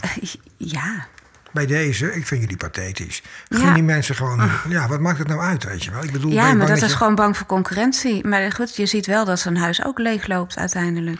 Nee, exact dat gebeurt dan Ja. dus. Terwijl als je het juist opengooit, loopt het niet leeg. Die vrijheid Nee, is waar het om gaat. Ja, ik speel ook in verschillende studio's. En Ja. eh, zolang de subs eh, die studioruimte prettig vinden, ik vind hem prettig, dan blijf ik daar. Ja. Precies, ja, snap ik. Ehm, en je hebt het geprobeerd, zeg je. Dus dan moet je of inderdaad heel veel geld hebben. Want waarom krijgen die mannen dat wel voor elkaar? Het zijn vaak mannen die die tenten runnen. Ja, nou je moet, eh, of je moet het geluk hebben dat je een bestaand iets kan overnemen. Maar in Nederland is het zo dat je ehm, een pand moet hebben. Dat moet je of kopen of huren met een huurcontract. En op het moment dat je een pand hebt, kun je een eh, wijziging in het bestemmingsplan en een omgevingsvergunning aanvragen. Eh, dat kost tussen de 5 en de 10.000 euro volgens mij. En dat is nog op te brengen. Hè? Dat is nog op te brengen, maar dan gaat de procedure lopen en die kan anderhalf jaar duren. In die anderhalf jaar mag jij niks met je pand, maar je moet hem wel betalen. En na anderhalf jaar hangt de beslissing eigenlijk voornamelijk af van de omgeving. Het vooroordeel en het stigma is zo groot dat mensen bang zijn voor overlast, criminaliteit, drugsproblemen. waardoor de omgeving bijna altijd nee zal zeggen. Eh, dus ben je anderhalf jaar voor niks aan het betalen geweest. Ja, en ja, je bent ja. geen steek verder. Nee. Wil je het dan weer op een nieuw pand beginnen of proberen? Begint alles weer van vooraf aan. Moet je weer een pand hebben. En dat is. eh, het, het klinkt heel leuk dat het in Nederland legaal is. Maar door alle regels wordt het eigenlijk onmogelijk gemaakt. Maar is het niet zo dat volgens mij Venlo en Lelystad dat hebben doorbroken? In eh, Tilburg, Breda Tilburg. en Lelystad is het mogelijk om vanuit huis te werken. Precies. Maar Oh, oh maar. Daar zitten heel veel maren aan. Eh, je moet ingeschreven staan op het adres. En je mag daar altijd alleen, alleen aanwezig zijn. Stel, eh een vier zou bij mij langskomen. Wij zouden daar samen een sessie geven. Run ik een bordeel en ben ik alsnog strafbaar. En daarnaast je privégegevens zijn gekoppeld dan. Ook, je Eh, bent en- en- geregistreerd als ja. sekswerker en iedereen weet je huis eh, te vinden. Want je moet ingeschreven staan op het adres waar Ah. je mag werken. Dus een gestoorde religieuze gek, die kan eh, zo bij jou aankloppen en Ja. eruit ingooien. Zeg maar. Nou ja, dat kan. En als je een klant hebt die toch tegen je gaat keren, dan weten ze je wel te vinden als je Zo, privé lastig, ligt te Lastig, slapen. Ja. En daarom worden we wel een beetje de donkerder, donkerdere hoekjes ingedrukt. Want je wil heel graag van, alle, Ja. Van alles doen, maar je wordt van alle kanten tegengewerkt. En juist commercieel is vaak heel veilig. En, Ja, ehm, Ja, maar goed, ja, dat is een hele andere dat is een hele lange discussie Ja, inderdaad. ik, ik vind- Ze willen het veiliger maken, maar door alle regels, het, door het zo moeilijk te maken, dwingen ze je eigenlijk om eh, de onvergunde sector in te gaan. Wat het juist onveiliger maakt. Nou, ik heb sterk mijn twijfels of ze het wel veiliger willen. Of ze het wel ehm, willen reguleren en veiliger willen maken. Volgens mij willen ze het gewoon eigenlijk afschaffen. Heel Uiteindelijk wel. Zolang ChristenUnie en het CDA in het kabinet zitten. Ja, Ja, maar ik denk dat zelfs bij de wat progressievere partijen. ook. Het is Ja. altijd zo geweest, toch? Maar ja, goed, een andere, discussie. Maar ik kan me kapot aan ergeren. Ik ben Ik namelijk, ook. eh, laat ik zeggen, ik ben niet gediend van dat soort dingen. Ik vind het echt verschrikkelijk. En als ik via dit medium dat ook kan ventileren, zal ik het ook zeker doen. Ik vind het ronduit belachelijk dat je in een eh, democratie als Nederland nog steeds als vrouw, waar alle vrouwen alle rechten en vrijheid zouden moeten hebben, dat gewoon niet hebben om je eigen toko te runnen. Ja, Ja. als je een frietzaak begint misschien, waar je ook al Ja. trouwens op gezegd En hebt. dat terwijl heel politiek Nederland wel... Nou oké, zeg ik even met een eh, flinke... nee, even, neem het even met een flinke korrel zout. Maar die, die gaan wel bij alle vriendinnetjes, Ja. sekswerkers langs die ik ken, zeg maar. Zeker. Wel ook leuk, bij mij. Ik heb geen seksuele handelingen, maar ik heb er wel een paar eh, onder mijn zweepjes gehad, zeg maar. Precies. En dat is misschien wel interessant, luisteraars. Want stel je nu toch eens voor dat al deze dames met al deze kennis Even, ik naar ben, buiten... als ik mag onderbreken, ik ben even benieuwd. Wie heeft wel eens eh, iemand uit de politiek gehad? Hand omhoog. Ik, eh, Nee, Ik, eh, niet. Nee. Nou, dat is twee van de drie, dat is best veel. Mhm. En wel eens iemand betekent ook vaker iemand. Hè? Dat is niet wel eens. Dus je had vroeger SM Club Doma in Den Haag. Die zat er ook niet voor niks. Laten we dat zo Mhm. Ja, die heb je nog steeds. Ja, in een zeer afgeslankte Ja, vorm. klopt. Ehm, dat is een beetje, denk ik, vergane glorie. Mag ik dat zo zeggen? Dat niet? is eh, een kamerverhuur. Ja. Dus het is één ruimte die je kunt huren. Ja. Het was ook een, ooit was het een pan-Europese club, toch? Waar mensen uit heel Europa kwamen, volgens mij. Hele wereld. Was het Ik heb heel- geen idee. Ja, ik ben wat ouder. Dat was toen heel hip. Ik ben eens geweest. Ik, was zit nog niet zo heel lang eh, in Nee. het vak. Maar goed, het was ooit. Maar dingen zijn vergankelijk. Maar ja, goed, het blijft gewoon heel jammer. Want ik denk dat eh, wat jullie doen, dat zou veel meer naar buiten moeten komen. Ehm, Ja. En ook op een eh, open en veilige manier kunnen. Ik ben nu aan het kijken naar een huis in België. Omdat ik in Nederland gewoon mijn vak niet kan uitoefenen. Terwijl ik gewoon mijn boekhouder heb, mijn belasting betaal. Mhm. Ik alles netjes op papier doe. Ik niet meer eh, een crimineel ben dan een kapster, een masseuse of wat dan ook. Ik ken een paar hele criminele kapsters. Oh, nou ja, die bedoel ik dan net niet. Nee, geintje, maar begrijp je? Dus het is gewoon Nee, het- ja, ik, ik zou ook. eh, ja, ik doe een legaal beroep. Waarom heb ik dan andere regels? Mhm. Ja. Ja, Ik sta hier echt 100% achter, ja. ik kan geen inboedelverzekering krijgen voor mijn computer. Want ik Mhm. werk in de seksindustrie. Alsof ik mensen neuk met mijn computer. Nou, ik zie Die wel een heeft daar echt geen extra schade door. Nee. Het enige wat mij nu... geest komt weer op gang. Ja, mijn creativiteit begint gelijk te borrelen. Dus Oh, nou, ik heb gezien wat jij kan maken, inderdaad. Ja, maar via een USB-poort kom je een heel eind, hè? Dus, Ja, ja, dat is waar. Ja. Nou, daar gebruik ik hem niet voor. Dus hij zou eigenlijk gewoon verzekerd moeten kunnen worden. Nee, maar ik begrijp je. Ik vind het ronduit absurd. Ja. Maar wat mij stoort is de hypocrisie. En ik heb ook mijn leven lang strijd moeten voeren om dus inderdaad eh, mijn gevoel te uiten. Nee, ik zeg het verkeerd. Ik heb mijn leven lang ben ik open geweest over wat ik voel.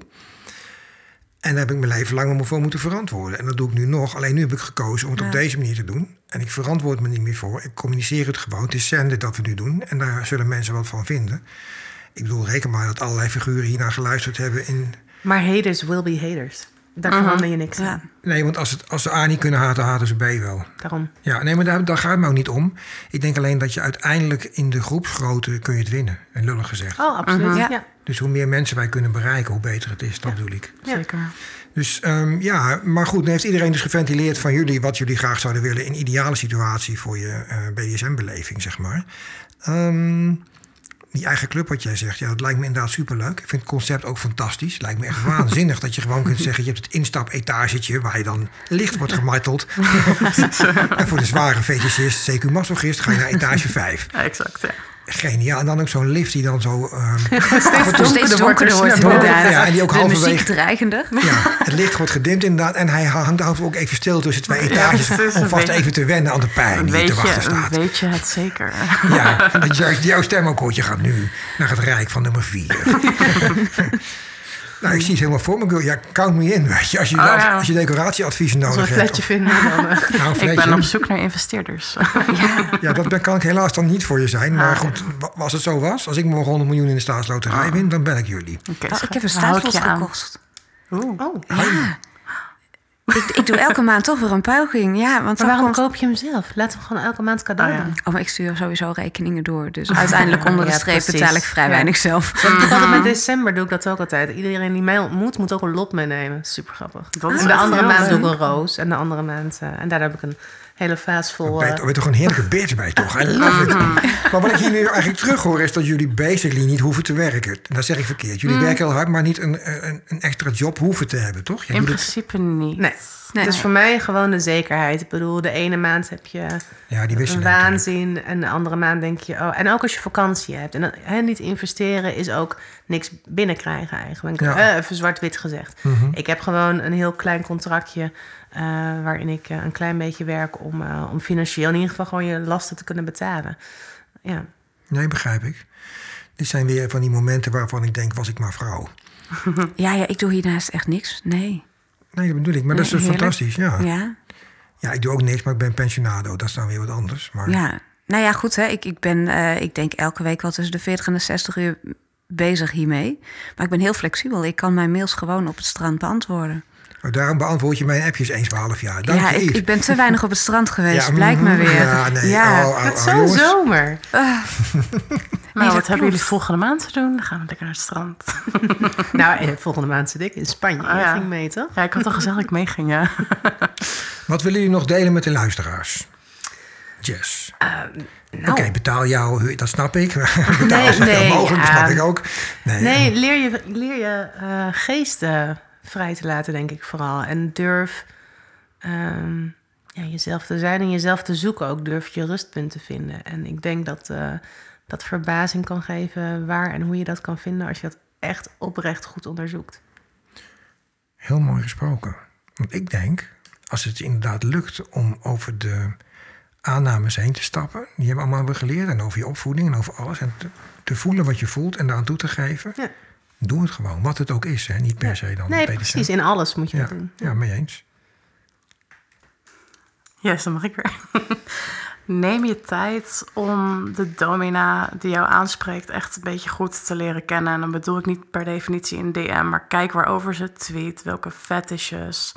Vaak hebben ze ook wel ergens een, een, eh, een post wat ze allemaal aanbieden. Doe je research en dan, dit is de enige scene waarbij jij degene bent die iemand, naar iemand toekomt en niet andersom. Wij zoeken jou niet, jij zoekt ons. Ehm, jij neemt die eerste stap dus en die is heel belangrijk, dus neem daar echt je tijd voor. Jazeker. En hoe, hoe kun je volgens jou ehm, zien, of volgens jullie zien, dat je nou echt naar een domina. Want kijk, als, je terug gaat, als ik terug ga naar mijn begin, dan, dan is het niets engers dan voor het eerst met een meesteres afspreken. Ook privé. Dus Het was niet eens commercieel, maar dat was dood en doodeng voor mij. Daar had ik echt zenuwen van. En nu zijn die mogelijkheden erg verbreed en vergroot. Eh, waar, waar zou jij volgens jou aan kunnen zien dat een domina echt is wie ze is, zegt te zijn? Want er zijn, jullie zeggen net terecht, er zijn heel veel fakers. En dat zeg ik ook. Pas daarvoor op, inderdaad. Nou, je hebt ontzettend veel platformen eh, waarop jij je moet verifiëren als domina. Je hebt eh, op, op VetLife bijvoorbeeld, kan je de verificatiebadge aanvragen.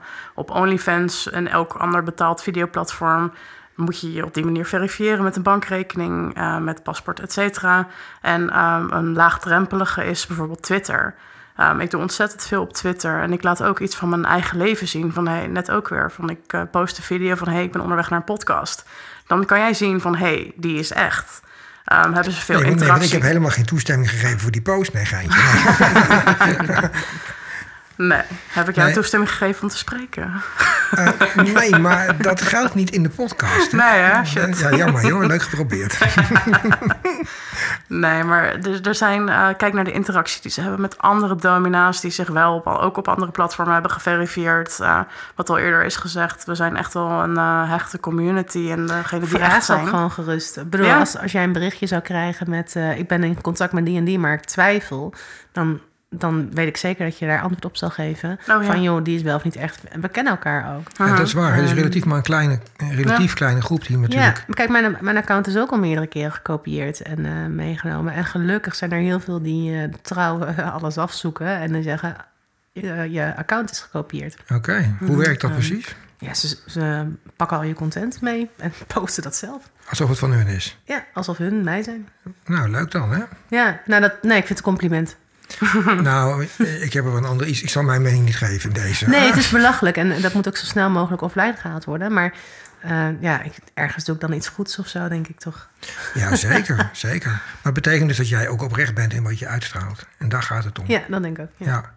En Yves, wat zou jij nog eh, de luisteraars in willen fluisteren met je hypnotische Oh ja, stem? ik Luisteraars, luister heel eh, graag, eh, Een hypnocursus van Yves. Ja, tijdens sessies fluister ik ook wel eens iets stiekem in iemands oren. Ja. Wat fluister je dan bijvoorbeeld? Eh, dat is heel afhankelijk. Ja.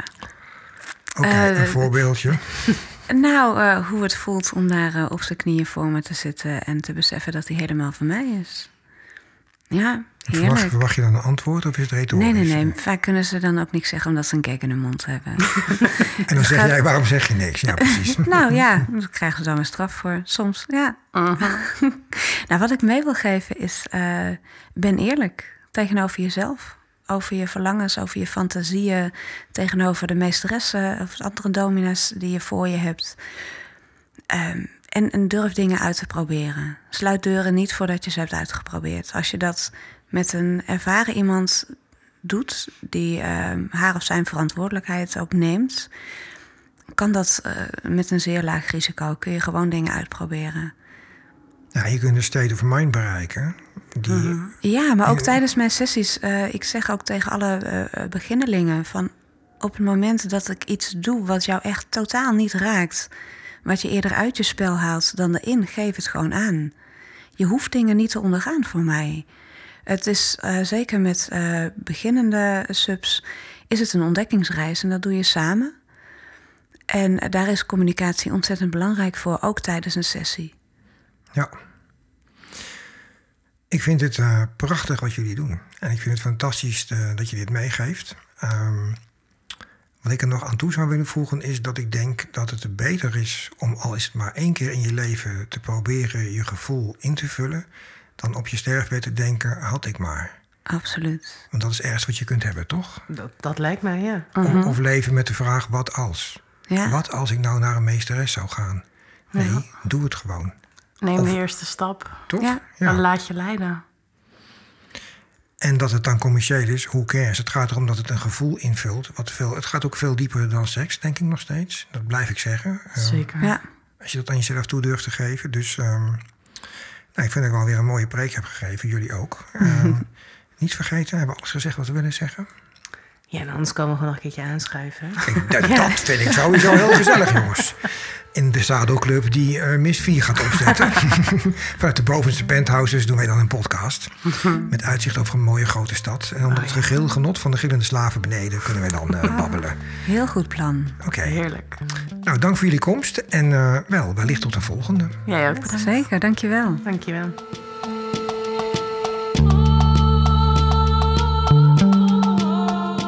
Dank voor het luisteren naar de Fetish podcast. Via de website synquest.nl kun je altijd een reactie sturen. Bijvoorbeeld als je zelf een verhaal hebt wat je graag met ons wilt delen. Op de site vind je ook linkjes naar andere podcasts en mogelijk voor jou interessante sites over BDSM in het algemeen. Dat was het voor nu. Tot de volgende keer. En reageren kan dus via synquest.nl. S-I-N van Nico, quest.nl.